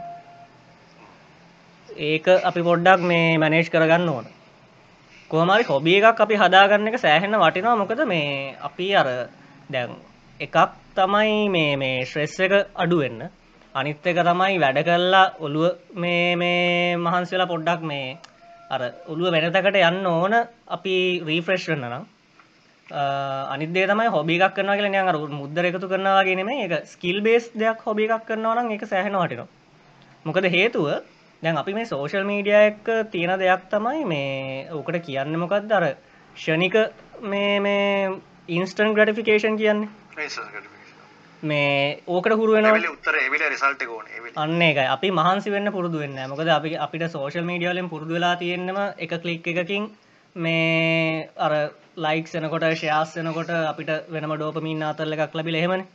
ඉතින් මේ ඕක සෑහෙන ටොක්සි ඕකෙන් මිදන්න පුළුවන් හොඳම දේ තමයි අපි ස්කිල් එකක් වර්ධනය කරගන්න උත්සාහ කරන එක. මොකද අපි එතකොට පොඩක් කැපවෙනවා දැවක ලෝන්ටර්ම් වැඩක්නේ මේ ඒවගේ ලෝන්ටර්ම් වැඩකට අපි මහන්සි වෙනකොට අපි අර මේ ප්‍රතිඵල ලැබෙන විදි දෙයක් නිසා ඒකට ඒ මනස හැදෙන අප වර අරකින් පොඩ මිදෙන ඉගෙන මේ ඉන්ස්ට්‍රම් ගටිකේෂන පොඩ මිදෙන දකින්න ගොඩක් මේ දවස්සල ඉතාම හොඳට ඕක යනවා අපි දැක්ටි එක කෝසස් කරලා ගොඩක් සටිෆිකේට් දාන්නේ මම මේක කරා මම මේක අචීව් කරා කියලා. ඉතින් අර ඒක තමයි අර විවිධත්වයක්. Tamanට තමන්ගේ ඒරියා එකේ වොම වේවා වෙනස් දෙයක්.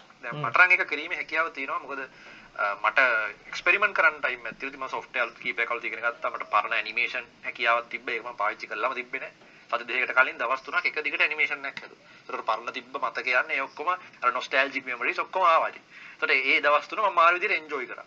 ඒ වගේ අර අලුත් දේවල් සහ පරණ අපිට අතහැරිච්ච මගහැරිච්ච දේවල් විනෝදාංශ දේවල් ඒවා පොඩ පොඩ හරි මේ කාලේ ඒ තියෙන විදිහට ගන්න පුළුවන් නම් ඒවා ඉතින් පරිගණකයක් හා සම්බන්ධ නැහැ වැඩි ලේසි මොකද අපිට ඇත්තට මෙතන මේ එන්වයරන්මන්ට් එකත් එක්ක ඒක මැච් වෙන නිසා ඒක මේ කවුරු අත උස්සලා ඉන්නව නේද? මට පෙන්වන්න ආ මම මේ මොඩරේටර් නෙමෙයි මට පෙන්වන්න ආ. රයිට් චමෝත් ඩිලංක දෙන්නම ඉන්න ඔන්න දෙන්නටම දුන්නා chance එක. ඔයගොල්ලන්ගේ අදහස් දෙන්න.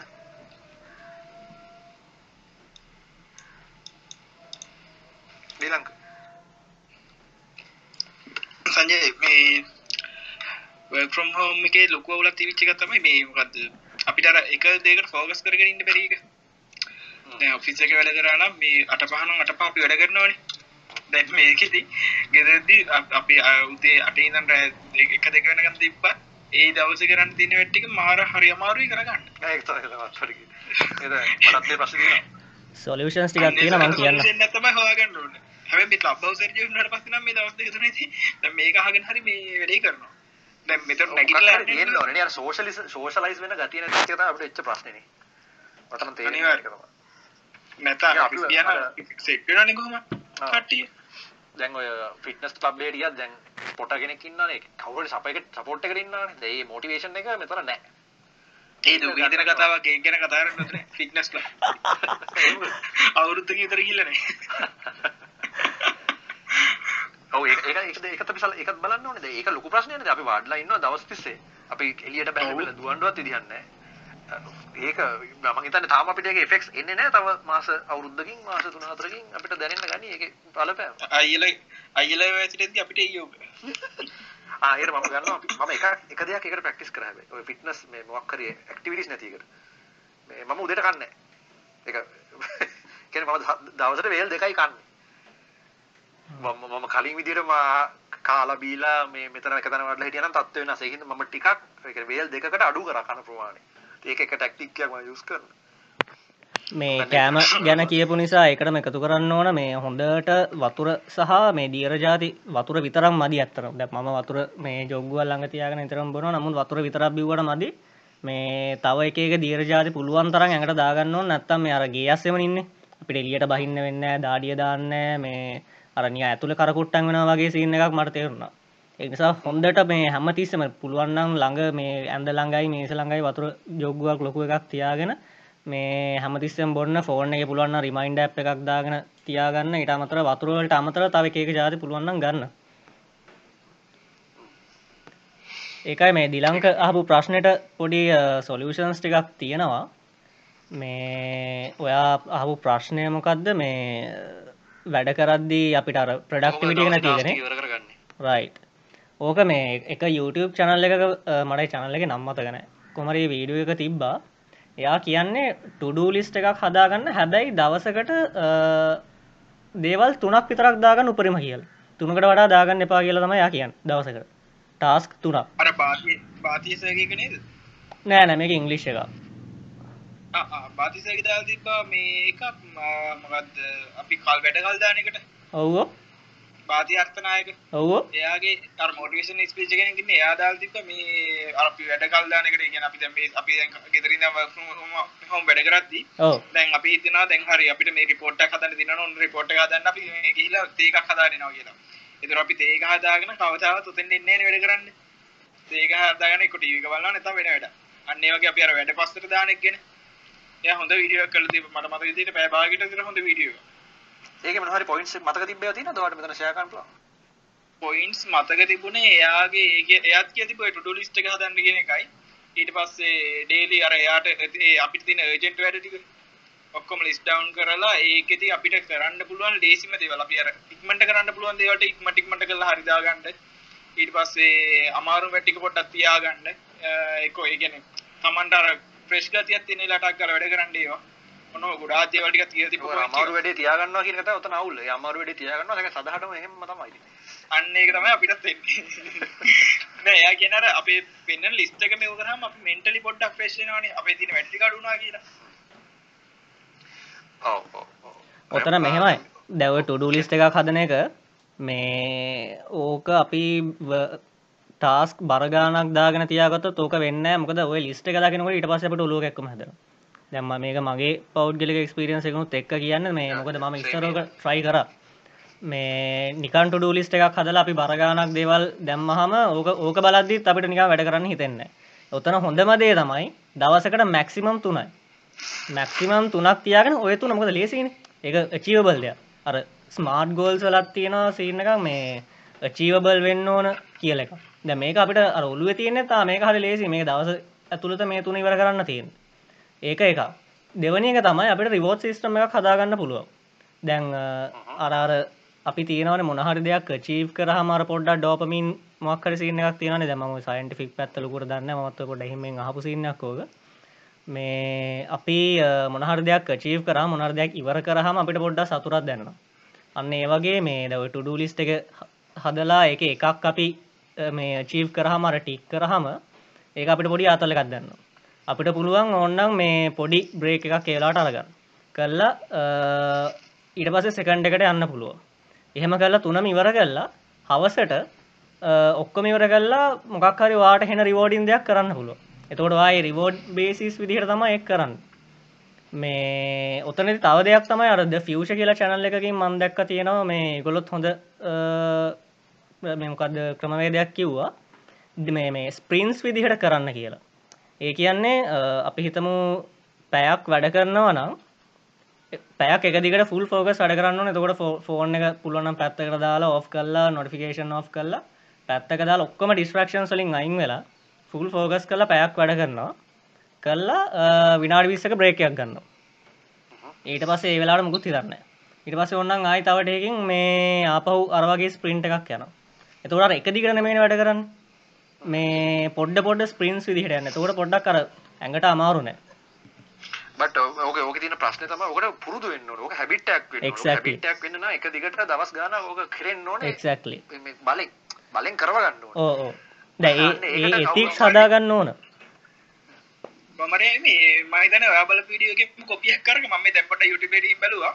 ඒක තියෙනවා මේ එයාගේ චැප්ට ඉන්ට්‍රටික දාලා චැප්ටස්ටි තියෙන එක තියෙන අතීතය ගැන පස්තැමීම දෑදවීම වලකින්න හරි අංක දෙක වැඩ වැඩේ කරන විදිය ගැන අවධානය දෙන්න වැඩේ නොකරන නොකර ඉන්න හේතුවන්න එපා. අංක තුන ටුඩෝ ලිස්ටයක් සාදාගන්න අංක හත්තර තමන්ටම රිවෝඩ් එකක් දෙන්න. අංක පහ කාටහරි ඔබ හැසිරීමේ බලය දෙන්න.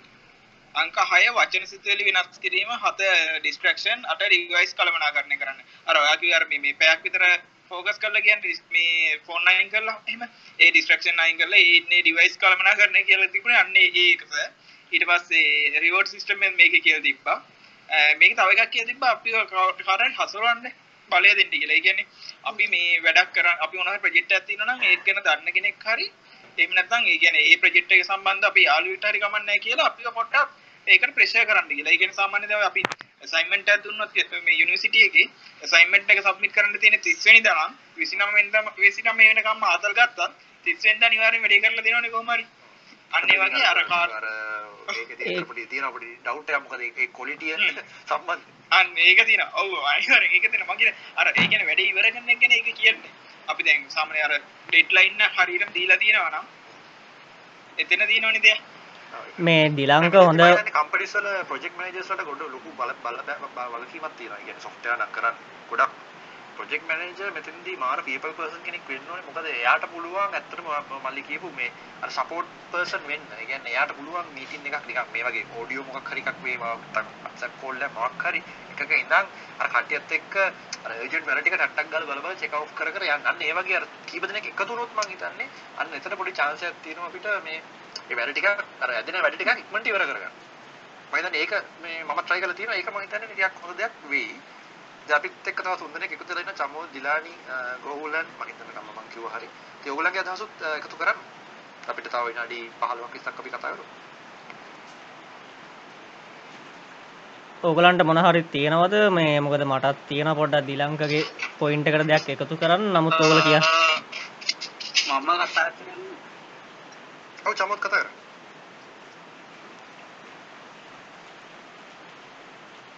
හෙලෝ චමෝත්. චමෝත් අය චමෝත් කතා කර ඇහෙන ඇහෙන හොඳට ඇහෙනවා ඔව් දැන් එහෙනම්. ආ, මම කතා කළේ ගොඩක්ම කියන්න මට තිබිච්ච ලොකු ප්‍රශ්නයක් තමයි ඉන්ටර්නෙට් කනෙක්ෂන් එක. ආ, ඒ කියන්නේ ඇහෙනවද? ඇහෙන ඇහෙනවා එහෙනම්. ඔව් ලොකු ප්‍රශ්නයක් තමයි ඒක. මට තිබිච්ච ලොකුම ප්‍රශ්නයක් තමයි මේ ඉන්ටර්නෙට් කනෙක්ෂන් එක. ඒ කියන්නේ වැඩක් කරන්න ගියාට පස්සේ කනෙක්ෂන් එක මැදි අතර වැඩ ඔව් වැඩ මේකම අපිට අපිට අපිට කියන්න කියන්නේ වැඩ කරන තැනදී කියන දැනුත් තියෙනවා. දැනුත් තියෙනවා අනිවාර්යෙන්. ඒ කියන්නේ වැඩ කරන තැනදී අපිට වැඩක් කරගන්න ගියාම ඉන්ටර්නෙට් එකෙන් මොකක් හරි ගන්න ගියාම ඕන කරන සිග්නල් තියෙනවනේ හැබැයි අපි ගෙදරින් නම් වැඩ කරද්දී ඒක නෑ. අන්න ඒක තමයි මට තව සොෆ්ට්වෙයාර් ඒ කියන්නේ අපිට වැඩ ගෙදරින් නම් වැඩ කරද්දී ගන්න පුළුවන්. ඒ කියන්නේ අපිට උදව්වට ගන්න පුළුවන් සොෆ්ට්වෙයාර් ටිකක් තියෙනවා. මම හිතන්නේ ශවින් කතා කරේ ඒ කියන්නේ අන්න ඒක ගැන කතා කරමු. මම හිතන්නේ හැමෝටම ප්‍රායෝගිකව අත්දැකීම් ලැබුණේ. යට තියෙන ප්‍රශ්නේ. ඩිලානිගේ අදහසත් අපි මේ ගාම විමසලා ඉමු. කියන්න. ඇදර මං කියන්න අපක මේ ඩිලංක සඳහන් කර අර අන්තිමටම කියපු එක මටත් ඔය ප්‍රැක්ටිකල් ඉෂුව එක තිබුණා. මොකද මමත් ෆ්‍රීලාන්සර් කෙනෙක්. මම අවුරුදු 3 4කින් විතර වැඩ කරලා නැහැ ඔෆිස් එකක. එතකොට ඔය to do list එක මම level 3ක ගියා. මම මුලින්ම to do list කරා. ඊට පස්සේ මම ඒකෙන් overwhelmed වෙලා ඒක දැක්කම ඔළුව රිදෙන ගානට ආවා. ඊට පස්සේ ඊළඟ level එකට ගිහලා මම ඒකට deadlines දැම්මා. දැන් මාසෙට තියෙන task ටික සතියට කඩලා දවසට කඩලා deadlines දැම්මා. වෙන්නේ ඊළඟ දවසට කියන ෆෝවර්ඩ් කරනවා අද ඉඳලා හෙට ඉඳලා පටන්ගම. ඒක උනේත් නැහැ. දැන් ඊළඟට මම අර කීවේ යාළුවෙක් කරගෙන දැන් මට ඒක කියන්නේ ඇත්තටම හොඳට වැඩ කරනවා. මම සතිය හැම මණ්ඩේම මගේ මගේ ලෙවල් එකේම කියන්නේ මගේ වැඩවලට සමාන වැඩ කරන තවත් ෆ්‍රීලාන්සර් කෙනෙක් එක්ක මගේ goals and list එක share කරගන්න. සවුන්ද කියනවා මේ සතිය අග වෙනකොට මම මේ මේ project ටික දානවා මේ මේ මේ product listing ටික Excel එකට දානවා. එහෙම නැත්නම් මේ මේ ටික කරනවා. එහෙම කියලා ගෝල් එක ෂෙයා කරගන්නවා. ඊට පස්සේ මගදී ඉඳලා හිටලා දැන් ඔයා කොයි හරියද ඉන්නේ කොහොමද කියලා පොඩි කන්වර්සේෂන් එකක් දානවා. End of the week Saturday කියමුකෝ අපි දෙන රිවිව් එකක් කරගන්නවා දෙන්න. එතකොට අර මට එයා එයාට පෙන්වන්න කියන්නේ එයාව මම මං හිතනවා මම වැඩ මේ මගේ හරියොත් ඒක එයාට ඇෆෙක්ට් වෙයි නෙගටිව්ලි කියලා. එයා කරන්නේ නැත්නම් මං කරන්නේ සෝ එයා මං ගැන හිතනවා එතකොට නිකන් මේක ටීම් වර්ක් එකක් තමයි. හැබැයි ටීම් එකක් නෙමෙයි. මම ඒක ඇත්තට මට මේ ගොඩක් හෙල්ප්ෆුල් වෙලා තිනවා මේ ඒක එකක්. අනිත් එක තමයි වර්කින් එන්වයරන්මන්ට් එක. ඒ කියන්නේ ඔයාගේ වර්ක් ටේබල් එක. එතකොට ඔයාට ෆැසිලිටිස් ටිකක් හදාගන්න පැම්ප කරන්න. ඒ කියන්නේ මම දැන් වැඩ කරනකොට බොන්න වෙනම කොෆි බ්‍රෑන්ඩ් වෙනම කොෆි ටිකක් ගෙනල්ලා තියාගෙන කියන්නේ මම කියන්නේ කොෆි බොන්න එක හොඳයි කියන මම කියන්නේ අර එතකොට මගේ වැඩ කරන ස්ටේෂනරි ටික හරියට හදාගෙන අර මට මේ එක්ස්පීරියන්ස් එක මම දෙනවා. ඒ කියන්නේ අර මම සාමාන්‍ය බෙඩ්රූම් එකේ ඉඳලා වැඩ pat on the back ඒකනේ අර මේ ඔෆිස් එකක වැඩ කරනවා නම් තියෙන මම මට පොඩි බජට් එකක් දාගෙන තියෙන ස්ටේෂනරි ටික ගන්න. මට මාසෙට ඕන. මගේ A4 කොලේ ඉඳලා පෑන් පැන්සල් මේ නෝට් පැඩ් ඒ ටිකේ ඉඳලා එතකොට මම වෙනම අලවන්ස් එකක් දානවා කොෆි and ස්නැක් අලවන්ස් එක. මං කියන්නේ එහෙම කරන්න ඕනේ කියලා. මං කියන්නේ අර මම වෙනම ඒකනගේ විදි ඒකනේ ඒක තමන් හදාගන්න ඕනේ තමන්ට පරිසරය අනිවාර්යයෙන්. ඔව් ඊට පස්සේ අර මම හරිම ප්‍රොක්‍රස්ටිනේෂන් වැඩි. මට මේ ඔය හොබීස් අනමනන් වලට සීමාවක් නෑ. මම දැන් ටීවී සීරිය ඇඩික්ට් වෙලා හිටියා. පැය 8 9 එක දිගට බලන එහෙම කෙනෙක් මං. හරිද? එතකොට මට ඔය පොඩ්ඩක් කරනවා හරියන්නේ නෑ. එහෙනම් මම ටෝටලි ඒව ඉග්නෝර් කරලා සතියට එක දවසක් දෙනවා ෆුලි ඒව විතරක් කරන්න. Netflix good good good.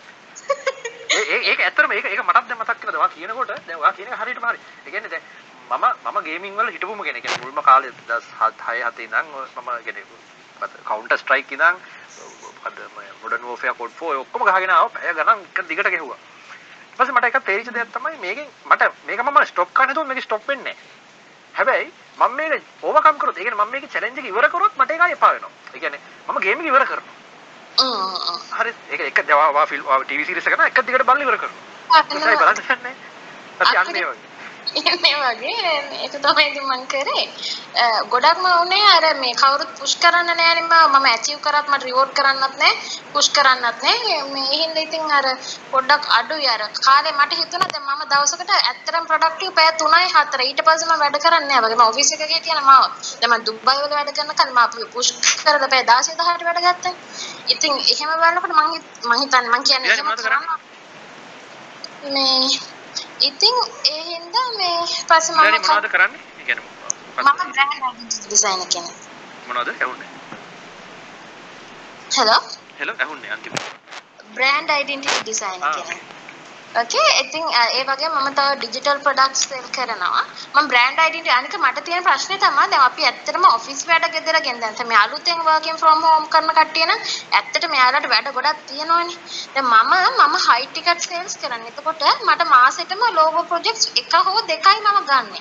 ඒකෙන් මම මගේ කියන්නේ මුළු ගානම කඩලා ගන්නවා. හරිද ඒක වෙනම කතා කරේ. ඒ උනාට අර එතකොට ලෝගෝ ප්‍රොජෙක්ට් එකට මම දවස් හතක් වැය කරා කියමුකෝ සති තුනක් මම නිකන් වැඩ හොයන මාව ඉම්ප්‍රූව් කරන මගේ ලීඩ්ස් හදන ජෙනරේෂන් ඒ වැඩේ ඉන්නේ. ඒක තනිකර self motivated.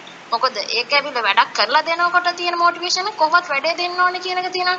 දැන් අනිත් ටික ඇවිල්ලා මගේ self building. එතකොට තමයි මට අර high ticket sale එක ගන්න පුළුවන්. මොකද මම අර 5 කරන එහෙම කරන කෙනෙක් නෙමෙයි. මම කෙලින්ම ලොකු ප්‍රොජෙක්ට් එකක් ගන්නවා මේ ලොකු ගන්නට. එතකොට මට ඒක කරන්න අවශ්‍ය පසුබිම හදා ගන්න ලීඩ්ස් ජෙනරේට් කරන්න Instagram වලට යන්න ඔය entrepreneur කට්ටිය අස්සට ගිහිලා පොඩ්ඩක් මාව මේව කරන්න. එතකොට මගේ වැඩවලින් 125 මම ඇත්තටම ප්‍රොඩියුස් කරන්නේ 175 මම සේල් එක ජෙනරේට් කරන්න අර හයි ටිකට් සේල් එක ගන්න මේව කරනවා.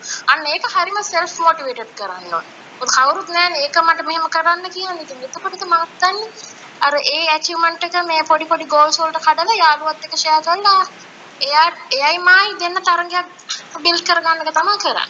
තමයි ඉතින්. ඒ ඇත්තම ඇත්තම හොඳ ඉන්පුට් එකක් ඒක. ඒ කියන්නේ ගොඩක් දේවල් දැන් කියනකොට දැන් මට තම දේවල් මතක් වෙනවා මේ ඔය ඔය කියන ඔය කියන්නේ අපි ගිහිල්ලා අපේ වැඩක්. ඒ කියන්නේ අපේ වැඩක් කියන්නේ දැන් මට ඉමීඩියට් රිසල්ට් එකක්. ඒ කියන්නේ පේන වැඩක් කරනවා. ඒ කියන්නේ මේක කරොත් මේක අනිවාර්යයෙන් මට රිසල්ට් එකක් දෙනවා. මම උදාහරණයක් කියන්නම්. දැන් ඔයා කියපු දේවල් ඔයා හයි ටිකට් සේල් එකක් ගන්න එක තමයි ඔයාගේ වැඩේ. මම හරිම හොඳයි තන් තාමත් මමත් ඔය ඔයාලා වගේම අලුත් කෙනෙක් ෆීල්ඩ් එකට මේ දැන් තමයි මේ වැඩක් කරගෙන යන්නේ. ඉතින් ගොඩක් මට උදව් කරලා තියෙනවා මේ මේ මේ කියන්නේ මේ අරින එකේම ඉන්න කට්ටිය ඉතින් ඒ යාලා මට දුන්න උපදෙස් මත තමයි මම මේ මේ දේවල් කරලා try කරන්නේ ඉතින් අර. එතකොට මට ආපු ප්‍රශ්න තමයි ඔය. හොඳයි හොඳයි. බොහොම ස්තුතියි ඒ වගේ ෂෙයා කරාට අපිත් එක්ක. කාට හරි අදහස් ප්‍රකාශ කරන්න බැරි වුණාද? තව එක්කෙනෙක් ජොයින් වෙලා ඉන්නවා. ගෝහුල්ලන් කියලා තියෙන හරිද? මම ප්‍රොනවුන්ස් කරා නම. හරි මචන්. හරි. ප්‍රොනන්සිේෂන් එක හරි. කතා කරන්න ඔවු මේ ඩිලානි කියප එකත් හරි මම ඇත්තටම මම කලින් වැඩ කර මේ කලින් කම්පනි දෙකට වැඩ කර දැන්නම් වැඩ කරන්නේ ඔරකුළුත් එක මම ඇත්තටම ටික කාලයක් ප්‍රොජෙක්ට් කෝඩිනේට විදිහටම වැඩ කරා. ඒ කියන්නේ ෂෝට් ටර්ම් පීරියඩ් එකට. ඒ කාලේ තමයි මම අල්ලගත්ත තේවල් තමයි මගේ ප්‍රොජෙක්ට් මැනේජර් වලට පළවෙනි දේ තමයි ටයිම් මැනේජ්මන්ට් එක. මේ දැන් මොකක් ටාස්ක් එක ගත්තොත් අපි කඩලා දාන්න ඕනේ. දැන් ඒ ටාස්ක් එක අපි පුළුවන් තරම් කඩලා දාන්න ඕනේ. මේ මේ මේ ලෝගෝ ඩිසයින් කරනවා නම් අපි මේ මුලින්ම ලේයර්ස් ටික හදන්න එකයි මේ කලර්ස් ඒව ටික ඒ විදිහටම හොඳටම මේ කඩලා දාන්න ඕනේ ටාස්ක් එක. එතකොට ඒකින් ටයිම් මැනේජ්මන්ට් එක කවනවා. අනිත් එක තමයි ලොකුම අපි කව කරන්න එක දැන් ගොඩාක් කට්ටිය ප්‍රොජෙක්ට් වලට ෆේල් උනේ ඔය අර ඩිසාස්ටර් මැනේජ්මන්ට් කියලා තියෙන ටොපික් එක ඒගොල්ලෝ අමතක වෙනවා. ඒ කියන්නේ දැන් ලංකාවේ අපි ගත්තොත් දැන් මම වැඩ කරන ගම යන්නේ ඉතින් සමහර වෙලාවට පවර් කට් එකක් වෙන්න පුළුවන්. නැත්තම් ඉන්ටර්නෙට් ඩවුන් වෙන්න පුළුවන්. එතකොට මම ෂෙඩියුල් කරපු විදිහටම මට ඉස්සරහට යන්න බෑ.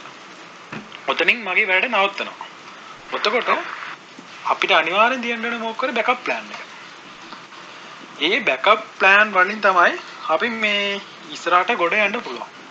ඕ අර බෑකප් ප්ලෑන් එකයි ඩිසාස්ටර් මැනේජ්මන්ට් කියලා තියෙන පාර්ට් එක අපි ඇත්තටම කන්සිඩර් කරන්න ඕනේ දැන් අනිත් ඒවා නම් අපි අනිවාර්යෙන් කරනවා. ටයිම් මැනේජ්මන්ට්, බඩ්ජට් මැනේජ්මන්ට් ඒව ටික නම්. ඒව ටිකට ටූල්ස් හරි මොකක් හරි පාවිච්චි කරලා කරගන්න පුළුවන්. හැබැයි මේ ඩිසාස්ටර් මැනේජ්මන්ට් කියලා තියෙන එක දැන් තව උදාහරණයක් කිව්වොත් දැන් අපි ලැප්ටොප් වලින් වැඩ ගන්න ගම යන්නේ. දැන් අපිට දන්නේ ওই ලැප්ටොප් එක ෂුවර්ද කොච්චර දැන් ටෙක්නිකල් හරි ඕ ඉලෙක්ට්‍රොනික පාර්ට්ස් එක අපි කියන්න මේදා වෙනකම් වැඩ කරනවා කියලා කොච්චර වොරන්ටි තිබුණා. දැන් ඒවට මොකක් කරේ ක්ලවුඩ් හරි නැත්නම් අපි එළියෙන් කොපි කරලා තිබුණොත් ඒ ඒ දැන් දැන් කියන්න පුළුවන් අපි අපේ ළඟ බෑකප් මොකුත් නැහැ. දැන් ප්‍රොජෙක්ට් එක රෙඩි හෙට සබ්මිට් කරන්න යන්නේ. හැබැයි අද රැයට මේ ලැප්ටොප් එක මේ කඩලා හරි මේ හાર્ඩ් ඩිස්ක් එකේ ගිහිල්ලා.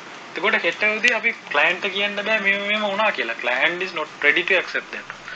එතකොට අපි අනිවාර්යෙන් තියන්න ඕනේ මොකක් කරේ බෑකප් ප්ලෑන් එක. බෑකප් ප්ලෑන් එක තිබුණොත් අපිට කිසිම ප්‍රශ්නයක් නැතුව මේ වැඩේ කරන්න පුළුවන්. එතකොට මට අනිත් ඒවාට වඩා මේ කියන්න වුණා මේ disaster management and backup plan එක. ඒක අනිවාර්යෙන් කරගන්න මේ කරන්න ඕනේ වැඩ තමයි.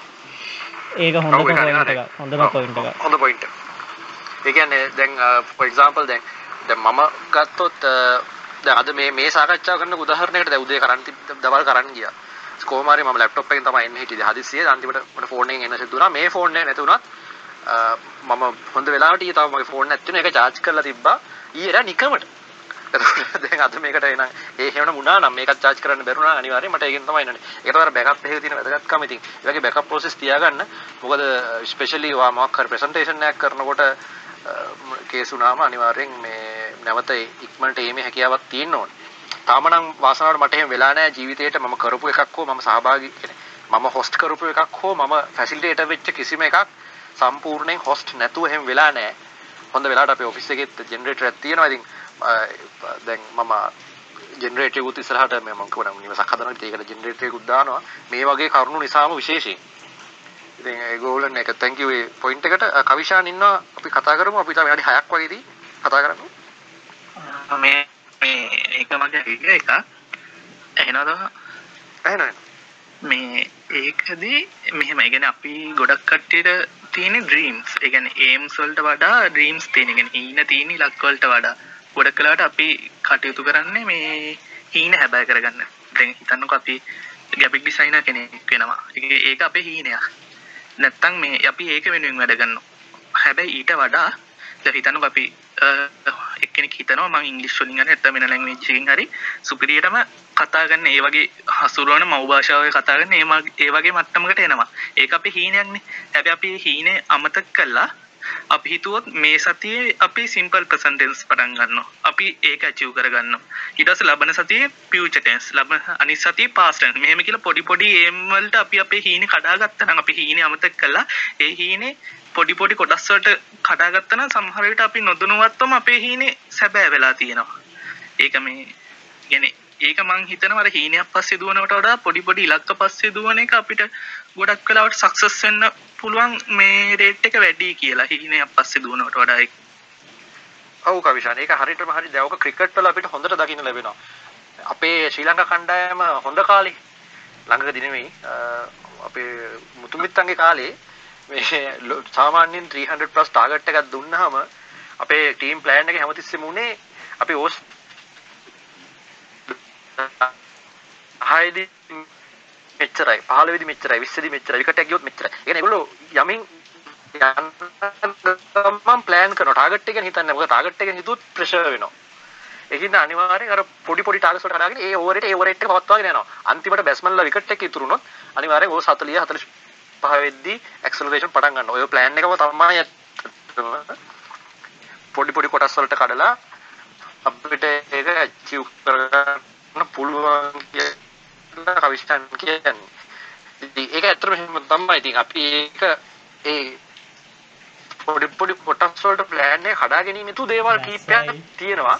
ඒ දේවල් මොටිවේෂන් නැතිවත් කරගත්තොත් එතන ඉහාට ඒ උඩ ගොඩනගන්න පුළුවන් ඔයගලන්ට. ඊටු ටික ලේසියෙන් යන්න. මමත් මේ ගොඩක් ගලිනත් ඒ කියන්නේ කොහොමද අර විශේෂයෙන් ඩිලාන් කියපු කාරණාව ගෝල් කියන කවුරුනා අපි දැන්ටවත් මම දැන් ප්‍රැක්ටිස් කරන දෙයක්. ඉතින් මේ මේ වගේ ආම්මට අස්සෙරි මොකක්ද ඒ වුනේ?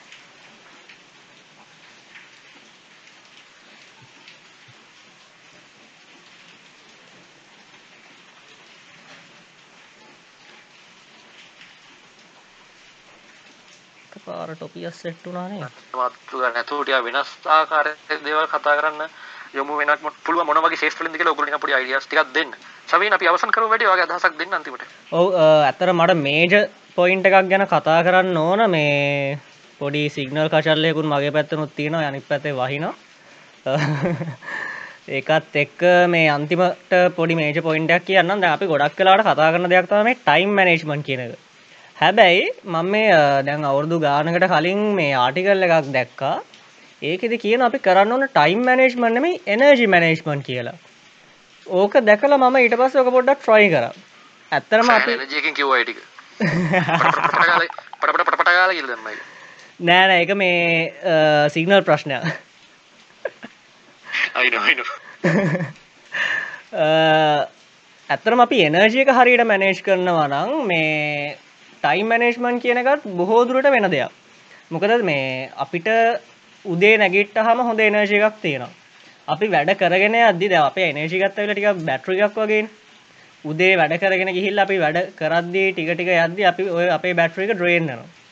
මේ ඔහොම වෙද්දී අපිට දවල් ටිකේ පොඩ්ඩක් එන අමාරුවෙන් ඇදගෙන යනවා බ්‍රේක් එකක් අරගෙන ආයි ඊට පස්සේ ෂේප් එක කරනවා ආයි පටන් ගන්නවා දැන් හවස් වෙද්දී ඉවරයි. ගණ්ඩ දෙයන්න ඉතිං ඕක මේ අපි හරියට මැනේෂ් කරේ නැත්තං ඒ දැන් හිතන්න අපි අකමැති දෙයක් නම් උදේ පාන්දර කරන්නේ අපේ බැට්‍රික ඉක්මට ට්‍රේන්නවා හැබැයි අපි ආසාාවෙන් දෙයක් කරනවා අපි පැෂනෙට් දෙයක් කරනවා නම් අර බැට්‍රික බහින ප්‍රමාණය අඩු වෙනවා. අන්න ඒ නිසා මේ දැන් අපි කිව්වට අර ටයිම් මැනේජ් කරන්න ටුඩූලිස්ට එකක් හදාගන්න ලේසිය පස්සෙ කරන්න ඔවගේ දේවල් ටිකක් කියන එකෙන් අදහස් කරන්නේ අපි අපේ එනර්ජීකයි මැනේජ් කරන්න ඕන ටයිම් එකට වැඩිය. මොකද මේ උදේ පාන්දර පුළුවන්තර නැගිට්ටාම ආස දේවල් කරන්න. එනජික අඩුවෙන් යන දේවල් කරනවා පැෂනෙත් දේවල් කරනවා වගේ අනාගතයට වැදගත් වෙන දේවල් පුළුවන් තරම් කරන්න බලන්න. අනිත් දේවල් පොඩ්ඩක් දවසේ අනිත් වෙලාවට දාගන්න. නැත්තම් උදේ පාන්දර වගේ එනර්ජි එක වැඩිපුර ගියොත් ආයි දවසම ගන්න දෙයක් නැහැ මේ ඕක තමයි මට මේජ ටිප් එක විදිහට දෙන්න ඕනකම තිබ්බේ. එහෙනම් අපි අවසන් කරමුද? අවසන් කරමු. අවසානයේදී මොන හරි කියන්න තියෙනවා නම් කාට හරි කියන්න පුළුවන්. Yes. මම නිකන් ඇහුවේ මේ අපි කොහොමද මේ මොකක් මොන වගේ දේවල් ඉස්සරහට සාකච්ඡා කරන්න ඕනේ කියලා. හැමදාම කතා කරන ටොපික්ස් අඩු කළා ටිකක් වෙනස් ආකාරයේ දේවල්. ඉතින් අපි සෝෂල් මීඩියා වල ඉන්නවනේ ඉතින් මට හරි සවින්ට හරි කාට හරි පොඩ්ඩක් මැසේජ් එකක් දාන්න මේ මේ සබ්ජෙක්ට්ස් ගැන දැනගන්න ආසයි වගේ. ඒතකොට මටත් එක්ස්පීරියන්ස් ෂෙයා කරන්න පුළුවන්. මම සාමාන්‍ය එක්ස්පීරියන්ස් ෂෙයා කරලා නැහැ මීට කලින් ගොඩක්. සෝෂල් මීඩියා වලවත් මම මම ගොඩක් වෙලාවට මේ එහෙම කියන්නේ ඇහුවොත් කියනවා මිසක් ඇවිල්ලා හැම දේශනයක් විදිහට කවදාවත් එහෙම කරලා අඩුයි කරනවා අඩුයි. පෞද්ගලික මට්ටමින් කරනවා. නමුත් පොදුවේ කරනවා අඩුයි. ඉතින් මොන හරි දේවල් තියෙනවා මටත් යම් ඉන්පුට්ස් දෙන්න පුළුවන් සමහර දේවල් ගැන. එහෙනම් අපි සාකච්ඡාව හමාර කරමු. ගොඩක් කට්ටිය අහන් හිටියා. අවසාන වශයෙන් පොඩි අනවුන්ස්මන්ට් එකක් දෙන්න ඕන මේ සමාවෙන්න මැදින් පොඩ්ඩක් බ්‍රේක් කරාට. ආ කමන්න කමන්න. මේ අපේ හයට තව සෙෂන් එකක් යනවා. චරිත් අයියයි මේ මදුශංක අයියයි කරන එකක් මට මතක විදිහට ඒක කන්සිම බිහේවිය ගැන කතා කරන එකක්. ඒකටත් කට්ටිය හය වෙද්දි පුළුවන් නම් අයි එන්න. ඊට අමතරව තව අපේ ෆේස්බුක් ගරුප් එකක් තියෙනවා. මේ මොකක්ද කලබ් හවස් ශ්‍රී ලංකා කියලා. ඒක නැතිය පුළුවන්නම් ඒකටත් සම්බන්ධ වෙන්න. ඔයාලගේ තියෙන අදහස් සරව මේවා හැම දෙයක්ම එකෙත් පෝස්ට් කරන්න පුළුවන්. එහෙනම් මෙතන පැයක් තිස්සේ අපිත් එක්ක සම්බන්ධ වෙලා හිටපු ඔයාලට බොහොම ස්තුතියි. ඒ වගේම මෙතන අදහස් දක්වපු දිලංක ගෝහුලන් කවිශාන් දිලානි චමෝද් එවගේම සංජය හැමෝටම බොහොම ස්තුතියි තමන්ගේ අදහස් සහ එක්ස්පීරියන්ස ෂයා කරාට. අපි එනම් අලුත් සෙෂන් එකින් නැවත හමුු ජයවා. Okay guys